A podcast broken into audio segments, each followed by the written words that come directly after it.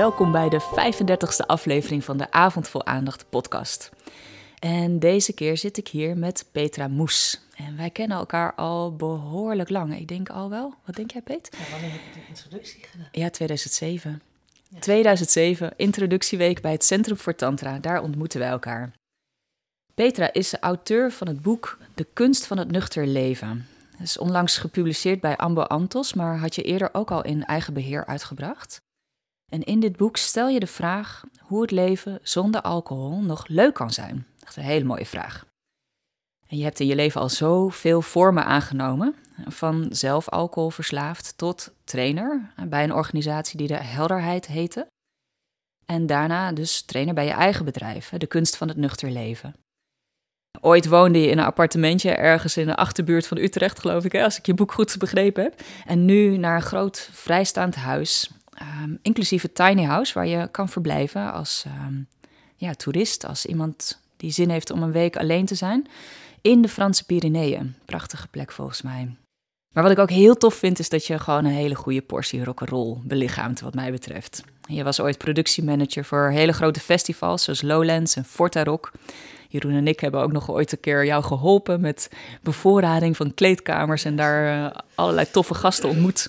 Ja, je hebt een uh, grote tattoo, prachtige sleeve ergens zitten op je arm. En, en je bent ze ook nog tantrica.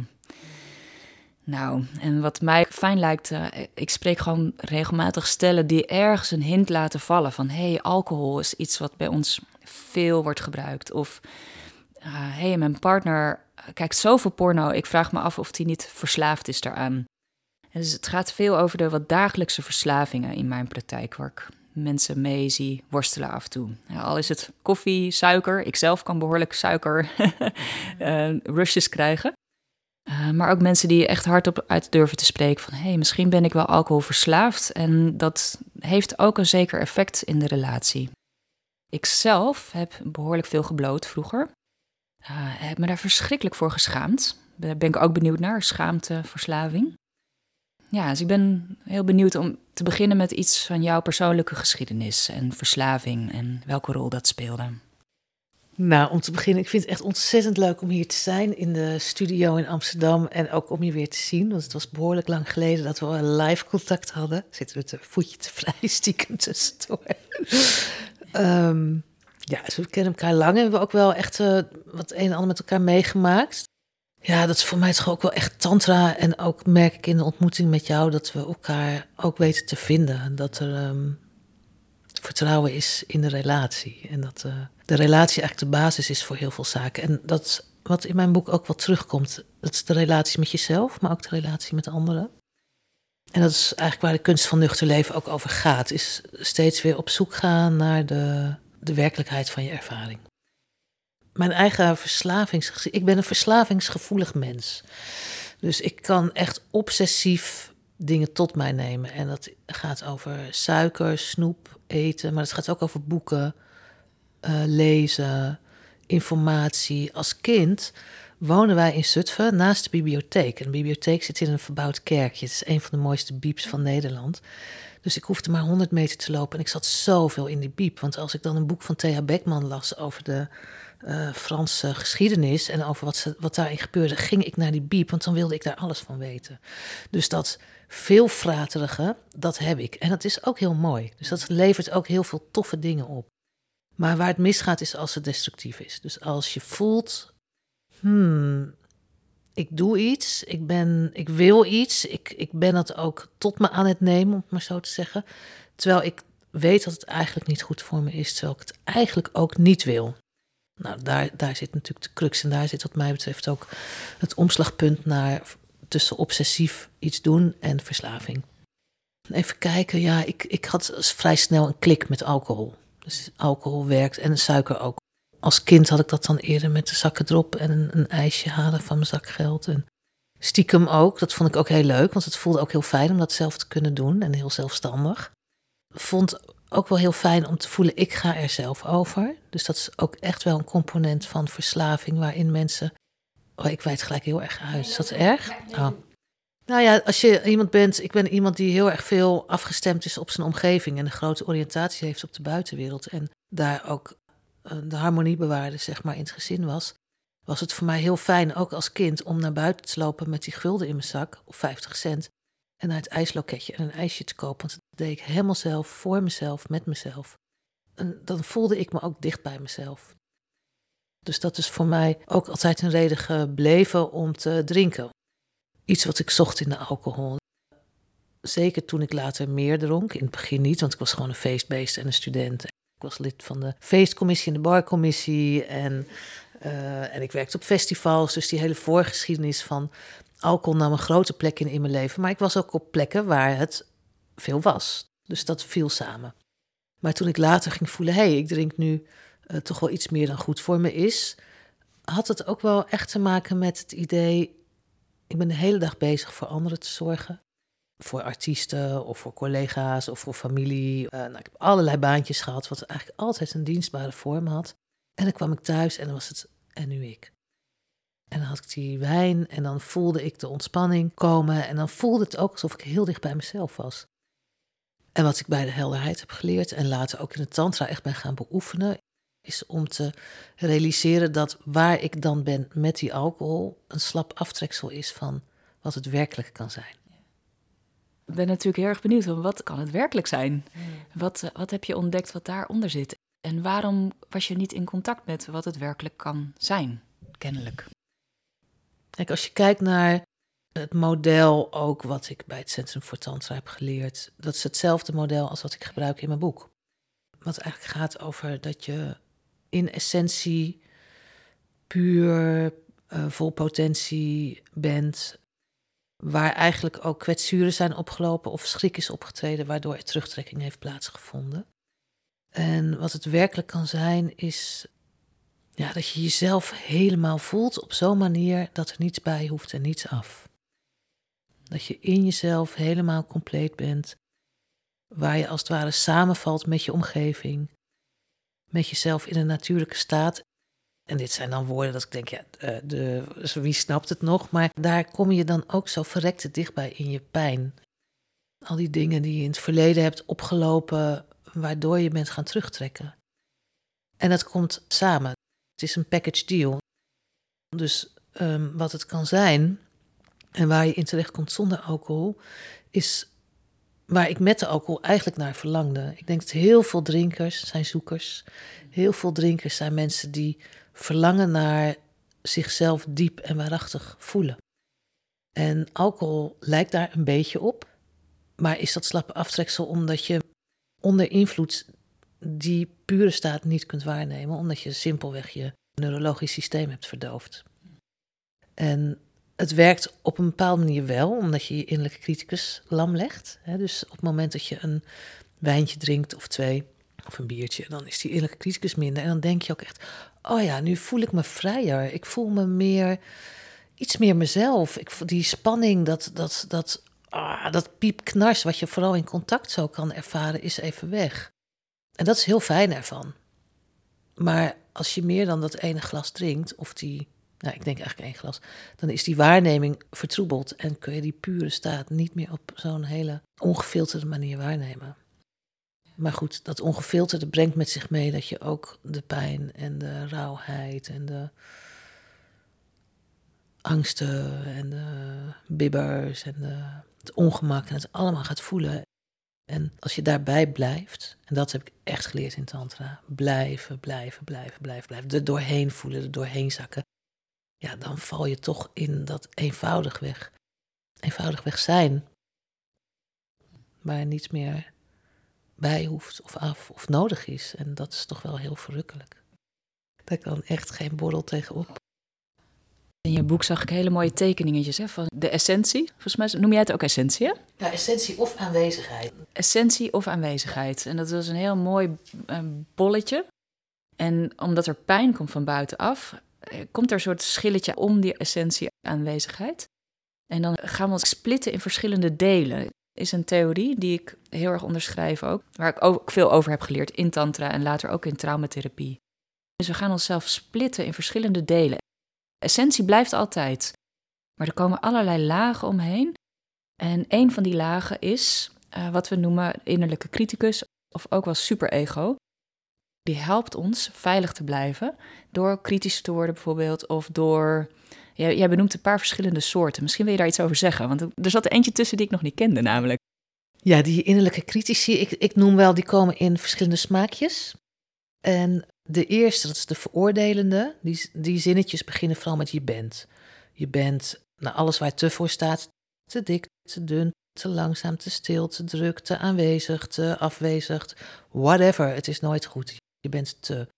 Ook alle scheldwoorden vallen daaronder en we schelden wat af in onszelf hoor. We kunnen echt heel lelijk doen naar onszelf. Veel lelijker dan we ooit naar iemand buiten ons zouden kunnen doen. Die is um, veroordelend. Je bent. Oh, die band heeft trouwens ook nog een geniepig uh, zinnetje. Zie je wel? Zie je wel, ik kan dat niet. Zie je wel, dat is niks voor mij. Zie je wel, dat is veel te ver van mijn bed. De veroordelende stem die houdt je klein. Die maakt je eigenlijk grijs, nietig. Je voelt je een beetje. Vaak noemen we het ook gewoon zagrijnig. Dus de, als je onder invloed bent van die stem, een beetje gedeprimeerd, somber. En uh, dat vinden we niet leuk, onszelf voelen. Dus wat we vaak doen als we in die staat zijn, is hele goede voornemens nemen. En dan zeg je, je moet. De tweede is een dwingende, die zegt, je moet. Ik moet nu toch eindelijk een keertje stoppen met dat gezuip. Ik moet eindelijk wel elke dag naar de sportschool of lezen of niet drinken of geen vlees of whatever. Eh, wat we allemaal moeten van onszelf. En de crux is, het zijn stemmen die eigenlijk zeggen, je moet dit, want anders ben je niet oké. Die stem maakt ook op een bepaalde manier gebruik van de waarheid. Want ja, als je heel veel drinkt en je stem zegt, je moet nou eindelijk stoppen met dat gezuip, dan zit daar natuurlijk wel iets in. Maar het gaat over de toon. En deze stem zegt, je moet stoppen, want anders ben je niet oké. Ik zal straks nog iets zeggen welke stem je dan wel naar moet luisteren. We leggen ons een taak op en dan gaan we dan vol fanatisme in en dat ga je dan doen en eh, vol goede moed en dan ga je allemaal leuke theetjes kopen en niet meer drinken en afgelopen met het gezuip, maar je geeft jezelf zoveel stress er komt echt zo'n zwaar juk op je nek dat je vroeg of laat, soms na één dag, dit is heel herkenbaar hoor, vijf in de klok bijvoorbeeld, hè, s ochtends vol groene moet sta je op, maar dan komt er vijf in de klok. Of na een week of na een maand dat je denkt, ja, nou, uh, nou is het wel mooi genoeg geweest. Ik mag toch ook wel een keertje. En dat stemmetje is de verleider en dat begint met ach. Ach, met mij valt het eigenlijk wel mee. Ach, het was zo makkelijk om te stoppen. Ach, het is nu, kerst, zomer, vakantie, uh, noem maar op. En ik doe nu het voorbeeld met alcohol, maar het gaat natuurlijk over alles. Het gaat de hele dag door. Het gaat over suiker, sporten, over... Kijk, de bladen staan natuurlijk vol mee met wat we allemaal moeten zijn en hoe we moeten veranderen en de challenges. En, um, en op zich is een challenge natuurlijk goed, want elke ervaring is meegenomen. Ik ben ontzettend voorstander van het, eigenlijk het jutten van ervaringen. Dus als iemand zegt, ik ga 30 dagen niet drinken in januari, dan denk ik hartstikke goed idee. Ik zie een challenge als een, als een kans om ervaring op te doen, maar niet met de bedoeling dat je met je tong op je schoenen eindelijk denkt: hé, ik heb het gehaald en nu mag ik weer. Dat heeft niet zo heel veel zin. Maar dat zijn die innerlijke kritische stemmen die eigenlijk willen dat je in je hok blijft. Want verandering is spannend en onzeker. En oh help, dan kan er iets gebeuren. Dan kan je je naar voelen of alleen of wat het dan ook maar is. En die kritische stemmen willen dat allemaal niet, die willen je daarvoor behoeden. Dus dat is ook het goede nieuws van de innerlijke criticus. Als, er heel veel innerlijke criticus is, dan zit je op een spoor van, van iets nieuws. Ja, daar word ik blij van. Ik heb zelf nog best wel geleerd om hard om te gaan ook met die stemmen. En ik lees in jouw boek ook net even een andere benadering. Hè, om die stemmen te zien als, ja, ze willen je beschermen. Het is niet fout dat je ze hebt. We hebben ze trouwens echt allemaal. Waarschijnlijk als je dit hoorde, kon je al wel voelen welke stemmen voor jou gelden, hè, die jij ook hebt. Ik heb ze in ieder geval alle drie, kan niet anders zeggen. En dat betekent dat zodra ze in me gaan wakker worden, zodra ik dat soort dingen intern tegen mezelf ga zeggen, dat er kennelijk iets is wat op het punt staat te veranderen. Net iets anders te doen dan ik normaal gewend ben om te doen. En dat is een goed teken. dus denk niet dat er iets mis met je zou zijn op het moment dat je hem krijgt. Er gaat eigenlijk iets heel erg goed. Alleen vervolgens is de kunst om daar niet in te geloven en niet te gaan handelen naar die stem. Hoe ben jij met innerlijke critici omgegaan?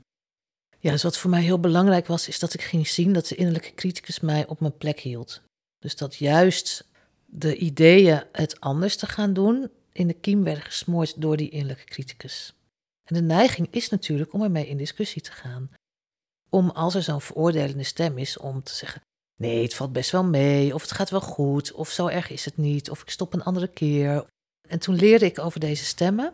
En ik heb ook geleerd in eerste instantie om ze hard van me af te schudden. En dat is rondom alcohol ook soms wel een goed idee hoor. Omdat je dan heel snel verleid wordt anders om in discussie te gaan. Maar wat eigenlijk het idee is, is om de relatie te verbreken. Dus hoeft niet weg, maar wel dat je kan zeggen: Oké, ik hoor je, je gebruikt je verbeelding bijvoorbeeld. Ik hoor je, ik zie je, maar ik luister nu niet naar je. Ik zet je even hier op een bankje en kom later wel bij je terug. Bijvoorbeeld. Maar dat is allemaal in de verbeelding. Dus ja, dat moet je, moet je wel kunnen. Dat is niet 1, 2, 3 zomaar geleerd. Wat ik me realiseerde is dat het zo leuk is dat je zin in alcohol, als je gestopt bent, kunt gebruiken als alarmbel voor de criticus. Ik denk dat ik een week of twee niet dronk. En dat ik echt al een paar dagen ongelooflijk veel zin had in een borrel. Echt dat je, dat je denkt, ik, ik wil het nu. Zo'n, zo'n echt een uh, uh, craving-achtig. En ik ging er niet aan toegeven, want ik had besloten, ik drink drie weken niet. Zo is het ooit begonnen.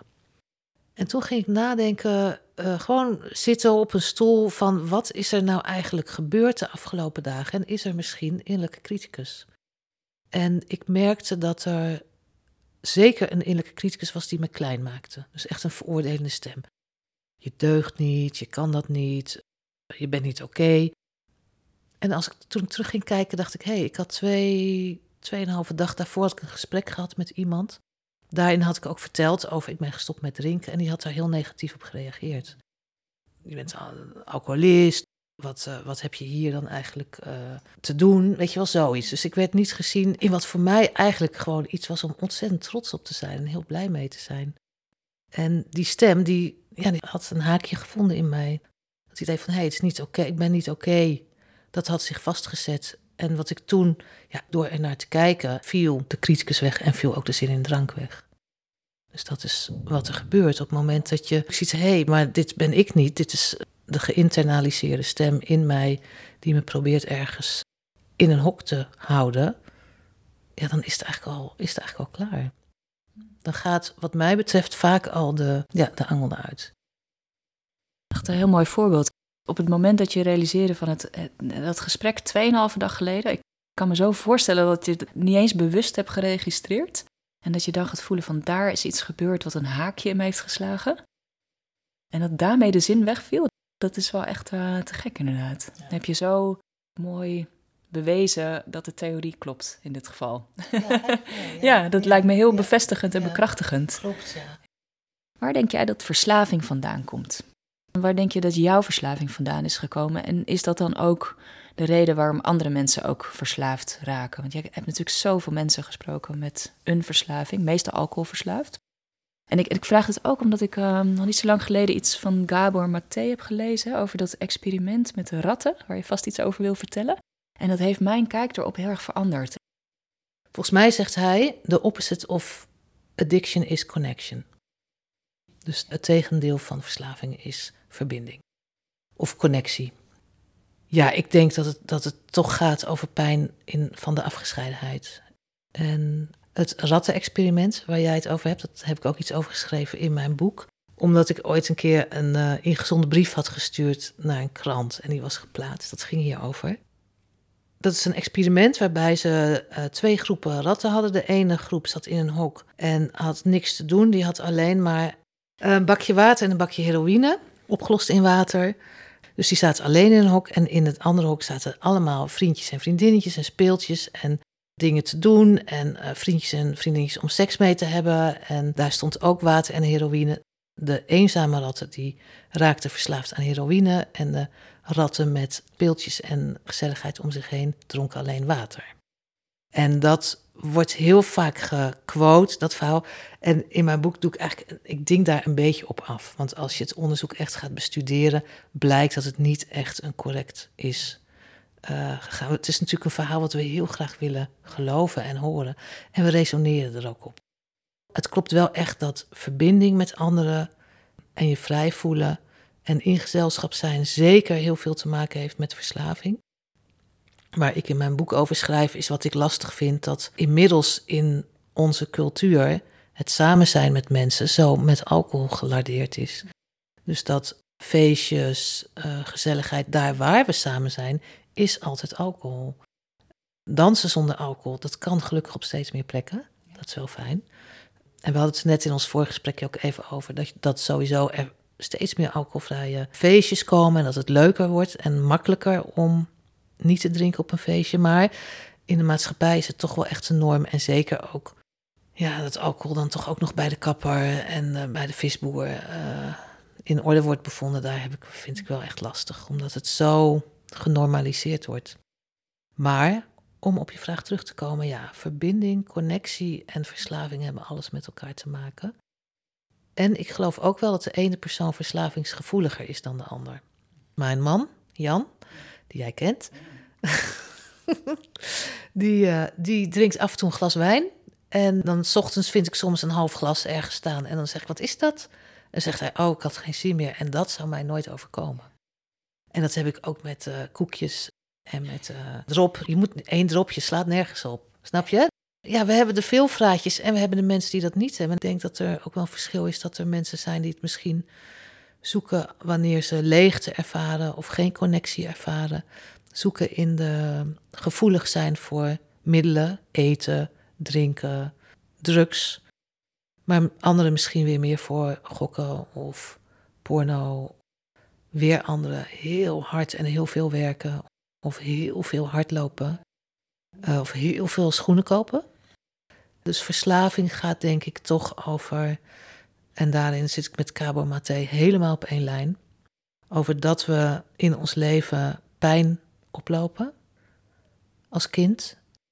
En dat we ons moeten aanpassen om die pijn niet zo te voelen. Of dat we manieren zoeken om zo min mogelijk pijn te voelen. En dat die aanpassing gaat knellen. En dat we daarin ook ervaren ja, dat je minder in contact bent met je ware aard. Uh, ja, die pijn, dat is wel voor heel veel mensen de oorzaak en het begin van verslaving.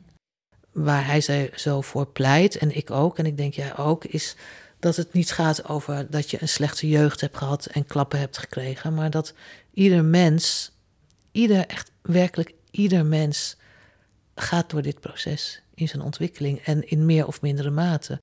Maar je schrikt gewoon als je niet gezien wordt. Ons verlangen als kind is gehoord, gezien en erkend te worden. En als dat niet gebeurt, als je wordt uitgelachen of gepest, of als er gewoon geen tijd voor je is, als er leegte is thuis, als je als baby ligt te huilen, maar je moeder heeft toevallig een boek van dokter Spock gelezen en, en ze komt niet, dat, dat levert die pijn op waar ik het over heb. Dus het is niet moedwillig aangebracht trauma, maar we lopen deze blauwe plekken, butsen, sneeën op in verschillende maten. En dat, dat gebeurt eigenlijk bij iedereen. Ik weet niet of het echt de oorzaak is van verslaving, want dan is het nog, ja, waarom de een wel en de ander niet? Nou, dat is een soort aanleg, zit daar wel in, denk ik, of een voorkeur om daarmee om te gaan. En wat werkt ook? Ik merkte eigenlijk op mijn vijftiende dat ik dacht, alcohol werkt. En um, weer een ander iemand wordt, gaat misschien heel fanatiek voetballen, omdat het werkt. Omdat je dan wel gezien wordt. Of omdat je dan pijn niet zo voelt. Jij met blowen, dat is natuurlijk een hele fijne manier om, uh, om niet aanwezig te zijn. In die zin kun je ook echt, kun je echt de, het middel wat je hebt gekozen, kun je echt bedanken. Want het heeft je ook echt veel gebracht. Al die dingen, het zijn manieren om te kopen, om om te gaan met jezelf in die omgeving. En ja, op een gegeven moment is het wel fijn als je leert dat je volwassen of sterk genoeg bent om het zelf allemaal te kunnen dragen en het middel niet meer nodig hebt. Maar daar hoort wel een ontwikkeling bij. Ik kan echt heel veel waardering voelen overal voor. Dat, en dat zie ik dan als mijn holistische kijk. Ik ga niet zeggen dat alcohol slecht is of drugs of uh, helemaal niet. Alcohol, het is natuurlijk heel slim om alcohol te gaan drinken. Want het is goedkoop, je kunt het overal kopen. Iedereen vindt het prima als je het doet. Het is leuk en het werkt. Dus in die zin, of, of slim is misschien niet het goede woord, maar het is zo voor de hand liggend. Ik denk dat het mij in zekere fase in mijn leven ook echt heeft geholpen, omdat ik zo houterig was in contact. En zo stroef en me zo ongelukkig voelde en alleen. En alcohol kon echt helpen om dat wat makkelijker te laten verlopen. En dat heeft me ook veel gebracht. Dat laatste wat je zegt, dat herken ik heel erg. Ik heb me altijd heel onhandig gevoeld in contact. Heel onhandig. Ik wist nooit wat ik moest zeggen eigenlijk. Ik stond daar altijd maar een beetje. Geen idee. Heel hard na te denken. Heel hard na te denken. Ja, vooral nadenken. Dat kon ik heel goed. En dan viel ik helemaal stil, inderdaad. En ik werd ook gepest. En voor mij was het inderdaad een uitweg uh, toen ik 15, ja, 15 was. Misschien nog wel iets eerder zelfs. Om gewoon de hele dag bij ja, iemand die ik kende op de zolderkamer te zitten en de ene naar de andere joint op te steken. Het was fantastisch. Ik had ook eindelijk vrienden. We zeiden allemaal niks trouwens. Ja? Je muziek draaien, de Cure natuurlijk. Echt super depressief. en het was een heel gedoe als er tegenzet moest worden, want er moest iemand opstaan. ja, het was echt heel inactief. Maar het was echt de redding inderdaad. En ik ben in die zin ook dankbaar. Het is ook nog echt wel een paar keer teruggekomen in mijn leven. En ook op die momenten heeft het me geholpen om ja, bijvoorbeeld een beetje meer open mind te krijgen. En het is zeker niet slecht, mhm. maar het de mate waarin inderdaad, die um, ja, in ieder geval toen destructief was, laat ik het zo zeggen. Je zei, ik benader het holistisch. Ik ga niet zeggen dat dingen niet goed zijn. Um, wil je daar nog iets over vertellen? Van wat een holistische benadering van verslaving uh, laat het breed trekken inderdaad. Hè? Want of je nou aan suiker verslaafd bent, aan porno of aan schoenen kopen. Ik kan me nog een tijd herinneren, als je niks te doen had, ging je naar de winkel en dan ging je spullen kopen. En dat is denk ik een collectieve verslaving die we behoorlijk uh, hebben. En die misschien niet zozeer destructief is voor jezelf. Ja, voor je portemonnee altijd best. Maar ik bedoel, hallo, de aarde, hoe gaat het daarmee? Ja, ook wij zelf. Als we die dingen gaan doen, en wat zou jij zeggen is jouw holistische benadering? Hoe kunnen we met onszelf omgaan als we die neiging voelen om onze leegte op te vullen met iets wat mogelijk schadelijk is? Een middelenverslaving vraagt ook nog wel iets anders dan een algemene verslaving. Dat is ook waarom ik me tot nu toe altijd bezig gehouden heb met alcohol. Om die bijzondere plek in de maatschappij, omdat het zo wordt gewaardeerd eigenlijk. De holistische benadering zit erin dat ik het niet afkeur. Dus eigenlijk dat er geen voor- of afkeur in zit. Uh, maar meer een nieuwsgierige blik om te kijken wat gebeurt er nou eigenlijk. En daar gaat het over. Het gaat over je bewust worden van als je dingen doet. En de zin die ik wel eens gebruik, of de vraag is: ga je nou ergens naartoe of ergens vandaan? En dat weten we allemaal verdomd goed. Intern weet je dat. En de ene keer is het misschien het ene en de andere keer het andere. Porno kijken, een paar keer achter elkaar leuke schoenen kopen, een maand van veel feestjes en veel drinken. Daar is niks mis mee. Dat is prima, zeker als je daar ook van kan genieten en als je er heel blij van wordt. Als, je, als het schoenen zijn waarvan je denkt, oh ja, deze heb ik gewoon... Eigenlijk ben ik hier al jaren naar op zoek. Of het is zulk mooi leer, of het is zo prachtig gemaakt, of ik heb ervoor gespaard. Dus het gaat mij veel meer over als je de dingen doet die je doet vanuit genieten, vanuit gunnen, vanuit het met al je zintuigen ook opnemen. En of het nou gaat om drinken of porno kijken, weet je, dat, dat kan ook allemaal even heerlijk zijn. Go for it. Maar wanneer je het doet om ergens vandaan te gaan, bij de leegteweg, of je probeert leegte op te vullen, of je probeert krampachtig iets te creëren, wat eigenlijk ook tegenvalt.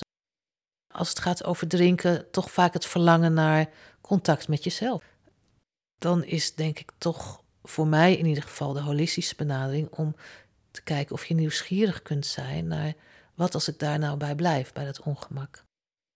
Bij waar ik vandaan wil. En vaak willen we vandaan bij leegte. Wat je dan het beste kan doen, toch is het oefenen van in leegte zijn en kijken of je kunt blijven. En leegte, die vullen we op op heel veel manieren. Hè? Dus dat is gewoon uh, de radio aan, ehm, social media, hallo. Uh, dat is social media verslaving is natuurlijk ook wel gewoon een heel item op zich. En in die leegte zijn, dat voelt ja, een beetje, dat, dat schuurt. Dat is een, toch een beetje als een schaafwond, zou ik zeggen. Dat is onaangenaam. En ik zelf ben echt meester in dat het lijkt alsof ik heel sereen in leegte ben. Maar dan heb ik hele interessante gedachten. Dus ik kan heel goed allerlei projecten uitdenken voor mezelf. Maar als je dan een tijdje daarin kunt blijven, dan kan er op een gegeven moment kan die leegte ruimte worden. Wandelen werkt voor mij heel erg goed, maar dan wel een lange afstandswandeling. Dus dat komt pas na een uur, anderhalf uur vaak, dat ik gewoon ook in mijn hoofd rustig word. En als je wat meer ervaring hebt met in leeg te zijn, dan kan het ook eerder die ruimte worden. Het kan ook zijn dat je van bepaalde gevoelens af wilt. Als mensen een slecht gevoel hebben van eigenwaarde. Ik ken zelf ook hoor, dat is een relatie waar ik echt hotel de botel verschrikkelijk het over heels verliefd op was. Van de een op de andere dag zei van nou toch maar niet. Toen ben ik heel veel kleding gaan kopen. Als ik nu terugkijk, dan zie ik dat het ging ook over zelfwaardering. Ik werd niet gewaardeerd door hem en ik zou dan wel laten zien dat ik wel mooi was. Dat ik wel de moeite of het geld waard was. Nou, dat, dat stopte op een gezond moment, zou ik zeggen. Dus ik heb mezelf niet failliet gekocht. Maar dat zijn dingen, daar zou je echt van kunnen ontdekken van, goh, wat ligt er bij mij onder? Is er zo'n innerlijke kritische stem bijvoorbeeld? Is er een stem die eigenlijk vindt dat ik waardeloos ben? Of is er pijn die ik niet wil nemen? Is er verdriet? Of boosheid? Heel vaak. Dat het eruit ziet als verdriet, omdat je eigenlijk woest bent. Dat ken ik zelf ook wel. Dat begint met lichtelijk geïrriteerd, maar als je het goed gaat onderzoeken, misschien is er wel echt iets om woest over te zijn. En die willen we ook nog wel eens afblussen. Misschien generaliseer ik veel, maar wat ik veel gezien heb, veel vrouwen toch niet gezien, niet die erkenning gekregen die ze willen, die ze ook absoluut verdienen. En toch dat er ook boosheid over is. En niet alleen maar, oh, oh wat zielig voor mij, ze zien me niet. Nee. Ja, en dan, dan blus je eigenlijk ook je kracht. Zeker met alcohol. Ja, gokken, weet je. Het idee macht te hebben, ehm, dat is ook een component, zou ik zeggen. Maar toch ook heel veel van krijg allemaal de tering. Ik doe het zelf wel. Of ik, of ik heb het zelf wel leuk. Of dat je toch je eigen feestje wil bouwen op die manier. Het zijn allemaal redenen om te drinken. Het zijn eigenlijk al die dingen waarvan je voelt. Ik ben ergens vandaan aan het gaan. Ik ben ergens bij mezelf vandaan aan het gaan. Bij, um, ja, bij die gevoelens die we lastig vinden. Voor sommige mensen is trouwens blij ook heel lastig om te ervaren. En dan hebben we natuurlijk ook nog gewoon iets als een buitenwereld die we leven. En er is een, een binnenwereld en een onderwereld. Waarin we ook wel toch ook behoefte hebben aan het donkere. Aan het duister, aan de schaduw, aan de. Ja, dan komen een beetje ook in het tantra en de, de kali. En, de, en dat is ook een holistisch verhaal, is natuurlijk dat je kan gaan kijken. Goh, dat destructieve leven, dat heeft ook iets. En daar zit ook echt iets in. Of dingen stiekem doen. Of uh, naar de kloten willen gaan. Hè. Dus, dus dat heeft echt met woede en kracht te maken. Maar het is heel gaaf om dat eigenlijk te gaan onderzoeken zonder echt destructief te zijn. Mm. En dat kan op heel veel manieren. Dus dat is natuurlijk in de, in de tantra kun je daar heel erg gaan werken met kracht en woede. En jezelf laten zien. Je hebt zo'n prachtig schilderij gemaakt. Kali, wat zo resoneert daarop. Maar ook muziek, daar weet je ook alles van. Gewoon hard rock en gewoon echt die krachtige muziek of Rage Against the Machine. Dat zijn ook allemaal manieren om op een gezonde manier toch met wat meer de donkere schaduwkanten om te gaan. Of in de kunst zijn ook heel veel films of beeldend werk waar, je, waar echt het donker van afdruipt. En daar kun je ook mee identificeren. En dat is eigenlijk een gezonde omgang met die donkere kant. Want de holistische kijk betekent ook dat het donkere erbij hoort. Eigenlijk zeg jij van, um, hey, als je voelt dat je ergens naar gaat craven, nou, als je iets wil, stel jezelf de vraag, ga ik ergens naartoe? Wil ik het gewoon omdat ik het wil en omdat ik er blij van word en omdat het iets vervult voor me? Of wil ik het omdat ik dan ergens van weg kan? En zeker bij die laatste zeg je, word nieuwsgierig. Hoewel, ik hoor je eigenlijk ook zeggen bij de eerste, word nieuwsgierig. In de zin van, geniet er dan helemaal van. Hè? Ga ervoor. Ja, neem het helemaal tot je. Ga die maand lang feesten. Of ga, koop die schoenen en geniet er helemaal van. En dat is iets waar ik ook heel erg achter sta. Van als je jezelf dan zo'n cadeau gunt. Ik denk dat het voor ons wezen heerlijk is als we ons er vervolgens ook helemaal aan durven geven. En tot in al onze cellen voelen hoe heerlijk dat nieuwe paar schoenen is. en dat het precies is wat we willen. En, oh, en dat dat eigenlijk misschien wel de grote antidote is tegen die voortdurende honger naar alsmaar iets nieuws. Dus echt voelen dat we er mm, yummy, dankbaar en heerlijk van kunnen genieten. Ja, dat is een groot verschil met, oké, hup, volgende. En daar gaan we destructief worden. En hier komen we een beetje op de scheidslijn hè, tussen jouw werk als trainer en als iemand die andere mensen helpt eigenlijk van een verslaving af te komen. En tantra, wat er gewoon waanzinnig mee verweven is. Als ik je zo hoor, ook allemaal dingen die ik gewoon ook ken uit het werk van tantra. En het gaat heel erg over die leegte. Dat we ergens zo druk bezig kunnen zijn de hele dag. Zo eigenlijk verslaafd aan doen. Doen, iets voor elkaar krijgen, iets hebben. Ik ken die trouwens van de social media ook. En ik ineens denk, hé, hey, ik was hier al een half uur niks aan het doen eigenlijk. De verspilde tijd, eigenlijk wat zonde. En dat iets in mij daar bezig is om niet helemaal te voelen wat ik nou eigenlijk op dit moment ervaar. En dat het ongemakkelijk is, inderdaad. Ik ben heel benieuwd van wat invloed is geweest van Tantra op, ja, op je werk, wat je doet, misschien ook wel op je persoonlijke leven. Tantra betekent voor mij dat ik echt op de millimeter ben gaan onderzoeken. Dus toen ik met Tantra begon, was ik al gestopt met drinken. Toen ben ik ehm, eigenlijk vrij snel verder gegaan met mezelf ontwikkelen. Uh, ik deed een training van een weekend waarin ik dus stopte. Sindsdien ook nooit meer gedronken. Kan dat? Ja, dat kan. maar dat was echt het begin van mijn bewustzijnsweg. Dus tot die tijd had ik wel altijd interesse gehad in psychologie en filosofie en boeken gelezen. En ik vond ook dat een boek lezen genoeg was. Ik hoefde niet zo'n rare groep. We hebben het over uh, begin deze eeuw, dus ik vond het allemaal nogal wat zweverig en New Age en dolfijnen en regenboog en daar moest ik allemaal niks van hebben. En achteraf zie ik dat ik zo bang was. Oh, ik was zo bang om in zo'n groep te zijn en om zichtbaar te worden of om echt open te gaan. En toen ik dat weekend deed, toen voelde ik, ervaarde ik, moet ik zeggen, wat het deed. Dus met andere mensen. En ik liet me niet horen hoor. Ik heb het hele weekend niks gezegd. Als er iets gedeeld moest worden, ik, nee, het gaat goed, niks aan de hand. Bij mij speelt het zich heel veel intern af. Dus ik ben daarin niet zo outspoken, was niet zo outspoken.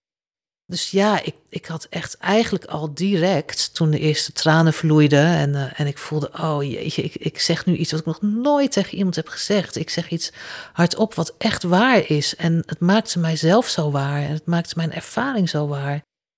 En toen ervaarde ik dat ik dacht, ja, dit smaakt naar meer. Dit is, dit is waar. Dit is een manier van werken, bezig zijn met mezelf, die zorgt voor ontwikkeling. En ik voelde me daar heel enthousiast over.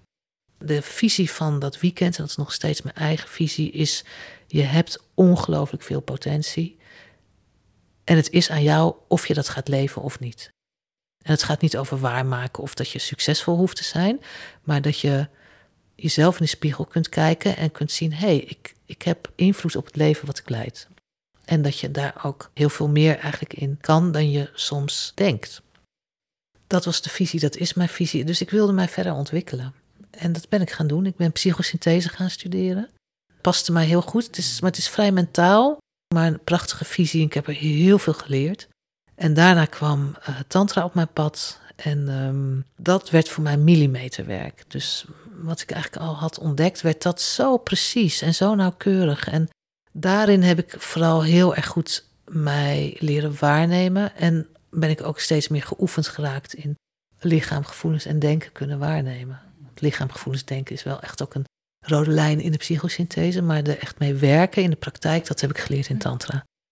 Ja, dus dat het niet gaat over jezelf voelen, maar dat je je werkelijkheid ervaart tot in je in vezels en in cellen. En dat echt de erkenning en de, het waar laten zijn daarvan, dat brengt zoveel ontspanning. Ik ben zo gaan zien en leren dat we zo krampachtig heel veel in stand moeten houden. Voor onszelf, intern, in gevoelens, in relaties, in werk, in wonen, in de buren, in familie. In...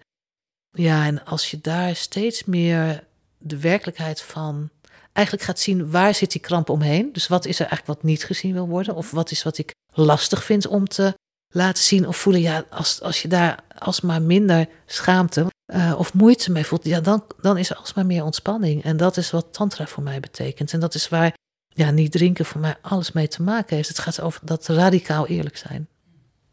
Ja, en dat heb ik echt geleerd om daarin mijn eigen saboteurs te ontdekken. En dus alles wat in jou leeft, om je daar vandaan te houden. En dat is uh, een uh, hartstikke interessant avontuur dat nooit stopt. En dat is eigenlijk het tegenstelde van die uh, verslavende patronen. Dus al die verslavende patronen willen juist wel dat dat wat niet gevoeld wil worden in dat panzer blijft van krampachtigheid.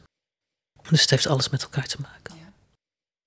Ja, we hebben een paar keer dus bij elkaar in de groep gezeten. En ik weet nog dat we een keer gingen assisteren. Dat was de tijd dat uh, Jeroen en ik, onze leraren, heel veel assisteerden. En toen hoorden we ineens: hé hey Petra, doet mee. Volgens mij had je een beetje op het laatste moment in die groep gevoegd, hè? Ja, dat was een week van tevoren, want er waren Precies, vrouwen waren vrouwen tekort. Voor het eerst en enige keer, geloof ik. Ja, dus Petra heb je zin en jij had al zin. En daar was Jan ook. En ik zie jullie nog zitten in de eetzaal.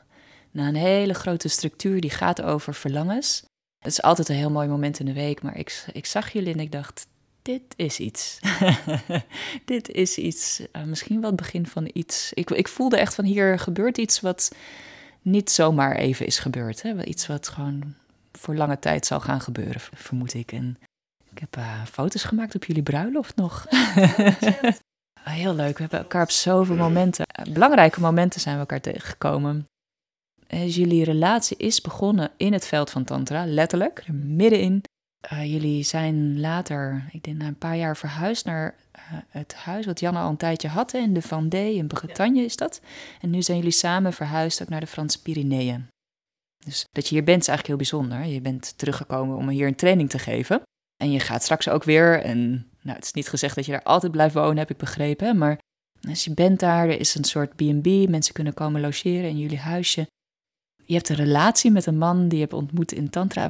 We hadden het ook uh, aan de telefoon over van... Um, ja, tantra gaat over niet alleen daar waar het fijn is, hè, maar ook als je elkaar even niet ontmoet. Je had ook, ook over ruzie maken bijvoorbeeld. Hè, van dat, dat je daar veel over lijkt te hebben geleerd in tantra. Ik ben heel benieuwd van hoe dan? Want het lijkt me een hele wereld om zo samen naar een ander land te verhuizen. En, nou, volgens mij hebben jullie over veel dingen moeten hebben, saampjes.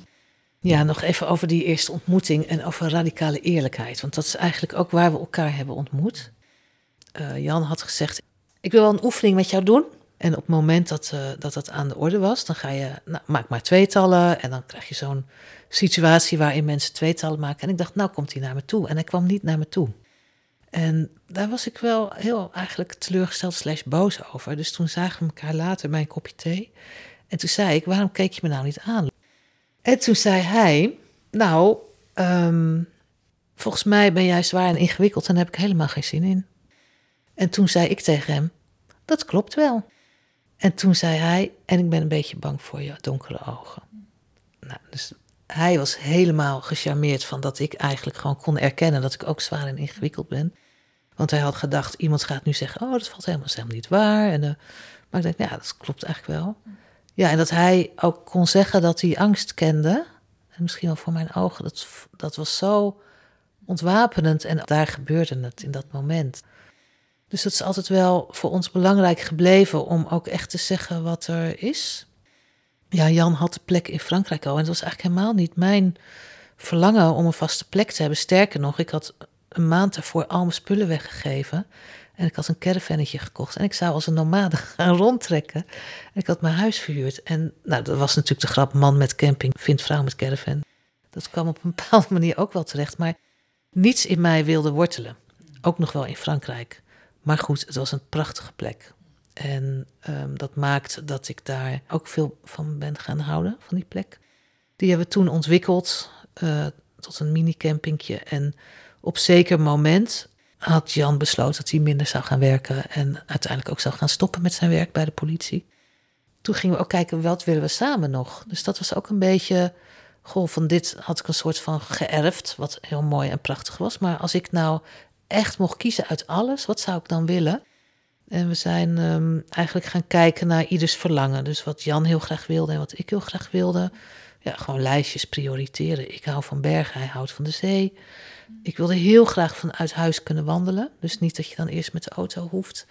We wilden ook wel dicht bij een station of een vliegveld. Zodat je toch, het is een behoorlijk eind weg, toch goed contact kan houden met kinderen en kleinkinderen.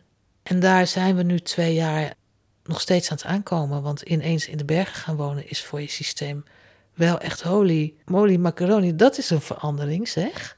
Dus die Van D was een beetje Zuid-Limburg. Dat is nog van, oké, dat voelt wel logisch. Maar in mijn systeem, in die berg. Het is echt een soort shock. En het is een super gave shock hoor, dat wel. Maar heel lang een gevoel van desoriëntatie. Van ik kan niet geloven dat ik hier woon, zeg maar. Dus we zitten er nu twee jaar. En we hebben ook allerlei uh, toestanden onderweg meegemaakt. Maar je had het over, gaat het nou allemaal zo makkelijk? En het gaat natuurlijk helemaal niet makkelijk allemaal. Al is het maar omdat Jan niet meer werkt en ik nog heel werklustig ben. Dus dat is wel een ding tussen ons. Hij heeft zijn hele leven, 40 jaar bij de politie gewerkt en is daar nu mee gestopt. En ja, wil toch ook wel echt dat Zwitserleven gevoel van een beetje skiën en een beetje zwemmen in de zee en een beetje wandelen. Maar ik ben nog jonger, ik ben 56 en ik heb altijd heel veel van werk gehouden. Ja, dus dat botst, want ik wil daar tijd aan besteden en hij wil tijd met mij doorbrengen. Nou, dat is een van de, van de dingen waar we wel eens uh, flink op kunnen knallen. En um, ja, ik zei, ruzie maken hebben we geleerd. We haken op een bepaalde manier ook uh, op elkaar in. Hij wil graag in contact dingen doen en ik wil heel graag alleen dingen doen. Meestal kan het een beetje sluimeren tot het knalt, totdat er een druppel ergens over gaat. Of uh, heel lang kan het ook gewoon in een normaal gesprek uh, dat je daaruit komt. Maar soms, je zegt niet altijd alles. Je spreekt niet altijd alles uit. Je hebt ook een dagelijks leven. In de zomer hebben we ook gasten. Je hebt niet altijd zin om, uh, om daar helemaal bewust tijd voor te maken. Dan vroeg of laat komt er wel een druppel die over een emmer gaat. En dan knalt het. Dan wordt er een boos en de ander schrikt en, en huilen en gedoe en flik, en alles wat erbij komt.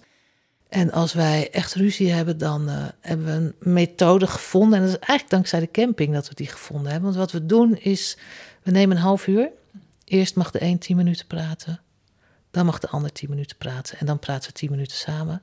En dan stoppen we. En dat hebben we zo ontwikkeld. We hadden een camping. En ik wilde eigenlijk weg, maar ja, we hadden een camping. Dus we moesten blijven. En er waren gasten. En er moest van alles gebeuren.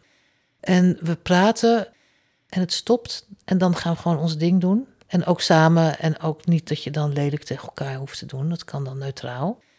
En dat doen we net zo lang totdat je elkaar weer vindt. Dat kan soms twee weken duren. Want dat doen we dan, als het heel erg heftig is, twee of drie keer op een dag. Een half uur. En je blijft staan voor je waarheid en de ander ook. Maar langzamerhand gaat dan, mijn ervaring is het verwijten uit. Dus dat je op een gegeven moment ook kan staan voor je waarheid. In zo'n ruzie kun je ook gaan benoemen waar de ander je zo pijn heeft gedaan of wat eigenlijk je verlangen is. En dan kan de ander alsnog kiezen om dat niet te hoeven geven. En dat kan zo pijnlijk zijn dat je kan voelen dat je iets heel graag wil van de ander, waarvan de ander zegt: Ja, ik snap heel erg dat je het wilt, maar ik kan je dat niet op dit moment geven. En dan dat blijven zeggen voor die eigen waarheid op blijven komen. Nou, dat heb ik geleerd in Tantra.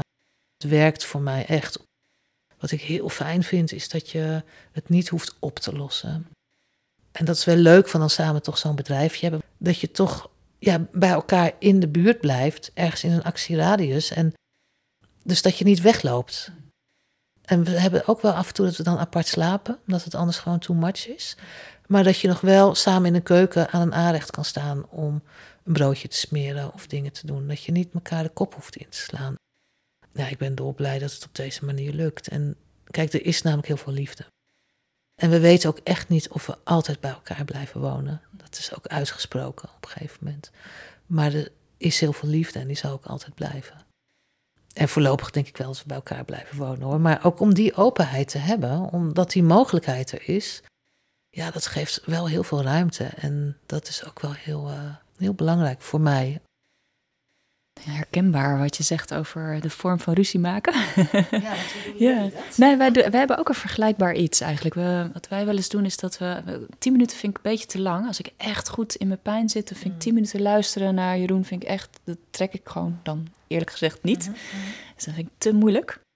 Dus wij maken er vaak vijf minuten van. En dan spreken we vijf minuten om vijf minuten doen dan niet met ook nog door elkaar heen of samen proberen te praten, maar dan doen we een aantal keer om de beurt zo vijf minuten spreken, zodat we op elkaar ook kunnen reageren. En het is een hele kunst inderdaad, om niet met de vinger naar buiten te wijzen, maar eigenlijk naar je eigen lichaam en eigenlijk te zeggen, hier doet het pijn.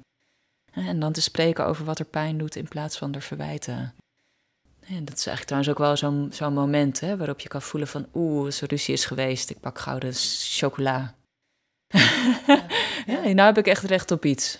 Of uh, nu mag ik even echt helemaal in die uh, social media duiken. Dat is voor mij ook echt wel een uh, uitweg. Troost, ja precies, dan is het troost. Ach, nu mag het eventjes. En nu, het is nu even zo erg.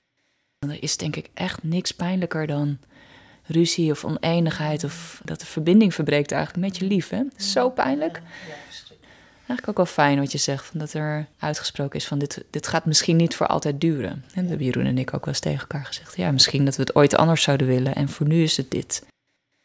Alright. Het is de kunst van het nuchter leven. Een boek wat jij hebt geschreven en een paar jaar geleden in eigen beheer hebt uitgebracht. Nu ook nog bij Ambo Antos. Dat is echt een grote uitgever. Dat is een enorme eer, zou ik zeggen. Echt, en terecht trouwens. Ik heb het gelezen. Het is heel fijn geschreven. Ik zat net nog ook even op bol.com te kijken. En ik lees daar hele fijne reviews van dingen die ik allemaal heel erg herken. Ik was heel trots op je toen ik het las. Ik dacht echt, wauw, dat heb je echt goed verwoord. En ik hoorde jou er ook in. Ja, ik vond het ontzettend leuk om te lezen. Ook voor mezelf als niet-alcoholverslaafde. Ik kreeg een mooi inzicht in hoe, hoe het werkt, eigenlijk het hele systeem. Dus ik denk leerzaam voor mensen die zelf voelen van oeh, ik drink eigenlijk meer dan me lief is. En hoe kan ik daarmee stoppen? Maar ook misschien wel voor partners. Wat, wat zou je zeggen, waar is jouw boek voor? Wie, wie zou je het aanraden om te lezen? En, en wat doet het boek? Ja, het boek is geboren in coronatijd. Zoals heel veel geboren is in coronatijd. Ja, dat ik toch wel heel graag dat alles wat ik had geleerd en gezien en meegemaakt, vond het fijn als het een weg op papier zou vinden. Mijn boek is uh, deels ervaringsverhaal van mij. Maar de ervaringen zijn vooral illustratief aan wat ik probeer duidelijk te maken. Nou ja, wat toch heel veel mensen zeggen die het boek hebben gelezen. Oh, het is eigenlijk heel interessant voor als je ook helemaal niks met alcohol hebt. En dat is eigenlijk toch ook wel wat ik zelf. Uh, van mij mag je nuchter heel breed opvatten. Het is ook de kunst van waarachtig leven, zou ik zeggen. Maar ook wel echt voor mensen die iets hebben met alcohol. Gewoon inzicht te krijgen in wat alcohol doet in je leven. Daar is het ook al leuk voor. Dat systeem van die innerlijke criticus bijvoorbeeld, om dat een beetje te kunnen gaan doorzien. En de relatie van alcohol daarin. Een heel groot stuk gaat over alle aannames die we hebben over alcohol. Het is gezellig, het is leuk, het is lekker, mijn seksleven wordt er beter van. Er zijn heel veel mensen die die aanname hebben. En uh, ja, daar zeg ik wel iets over. Dus het gaat deels over de dynamiek van verslaving van alledaagse verslavingen, maar ook wel over de identificatie met alcohol die we hebben. Ik ben iemand die gewoon uh, heel bourgondisch leeft. Ik koop alleen maar hele dure wijn. Er zijn heel veel praatjes en smoesjes en verhalen rondom alcohol. Daar gaat het ook over. Het is licht, het leest makkelijk en het is echt bedoeld om het verhaal dat veel drinken slecht is en dat je daarmee moet stoppen uh, uh, onderuit te halen. Want daar vind ik, daar schiet er gewoon niks mee op, denk ik. Schiet er echt helemaal niks mee op. Want eigenlijk zeg je in je boek zelfs dat die gedachte niet helpt, hè? Het is contraproductief. Ja. dat vond ik een hele interessante. Dus als je op die manier gaat stoppen, dat gaat waarschijnlijk niet werken. In ieder geval misschien voor één of twee mensen wel, hè? Maar ja, ja interessant. Ja, omdat het zo'n stem is die uit die innerlijke criticus komt. En als je maar heel veel spanning op jezelf gooit, dan wil je op een gegeven moment daaruit losbreken. Dan heb je heus wel ergens een innerlijke rebel. Want ja, wie heeft hem niet? Die zegt, krijg allemaal de tering en nu ga ik gewoon los. Ik maak het zelf wel uit. Ik wil zelf beschikking. Nee, voor mij werkt het niet. Voor anderen die het wel werkt, vooral doen. Hè? Ja, dus dat is het boek.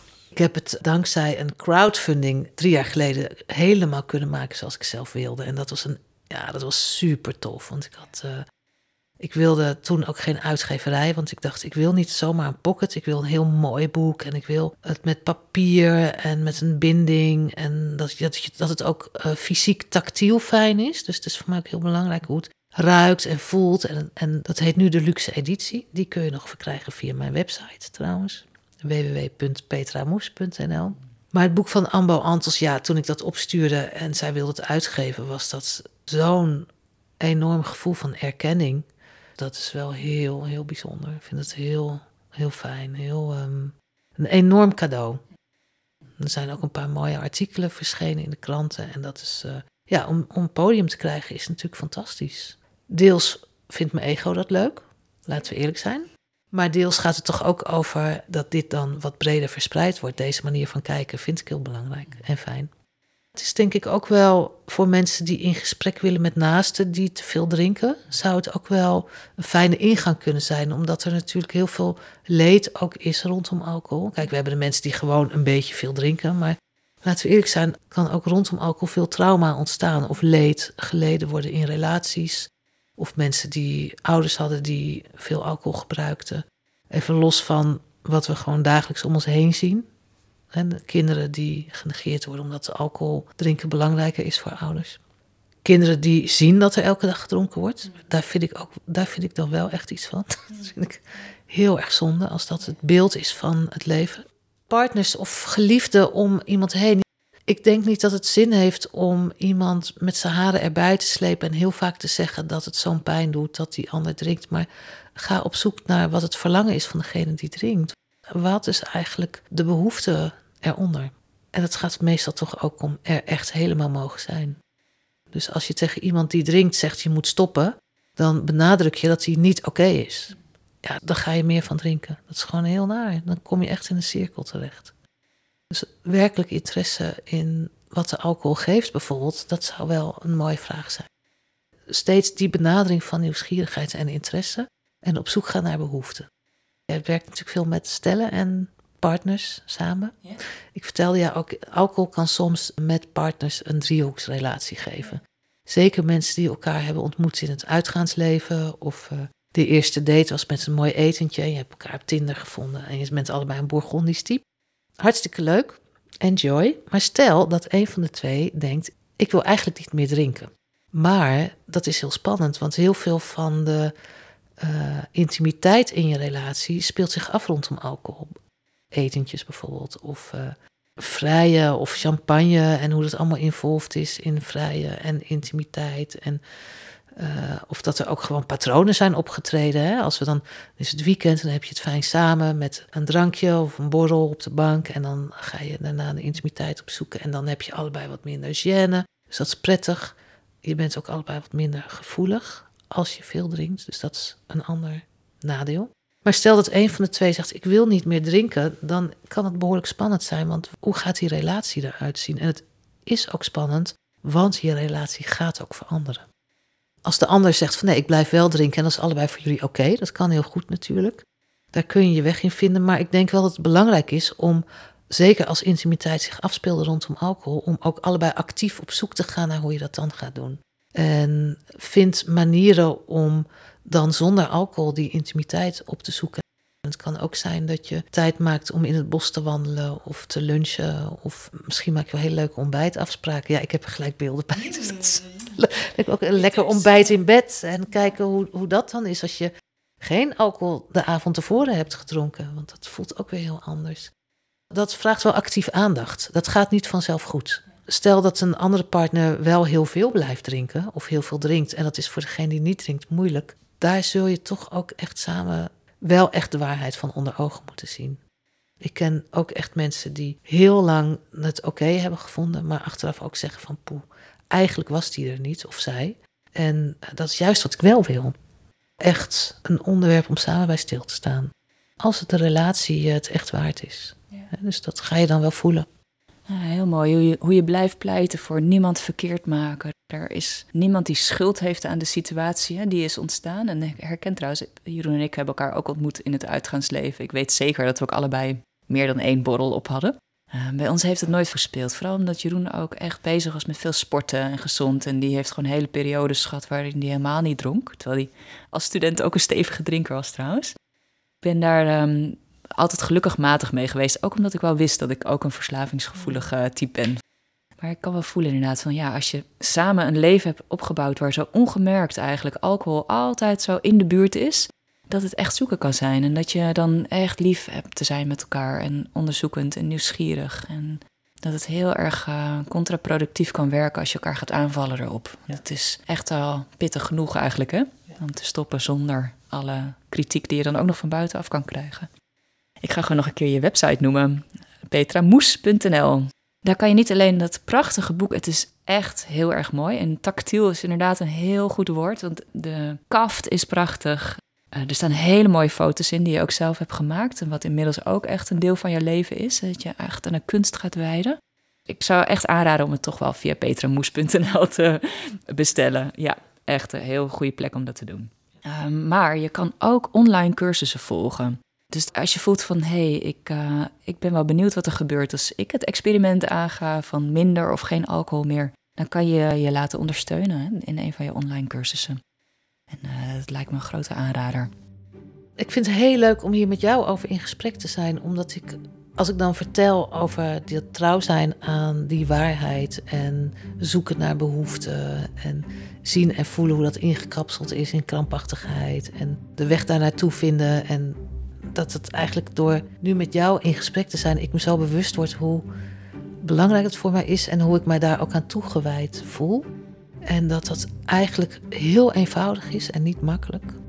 Maar dat dat de kern is van ook rondom dit onderwerp omgaan met jezelf. Dus dat word ik me nu extra bewust. En ik vond het heel leuk om daar uh, zo pratend, zoekend met je over te hebben. Dankjewel. Nou, ik ben heel blij dat ik je heb uitgenodigd. En um, laten we vooral niet zo lang meer wachten om elkaar nog een keer weer te zien. Dat lijkt me heel fijn.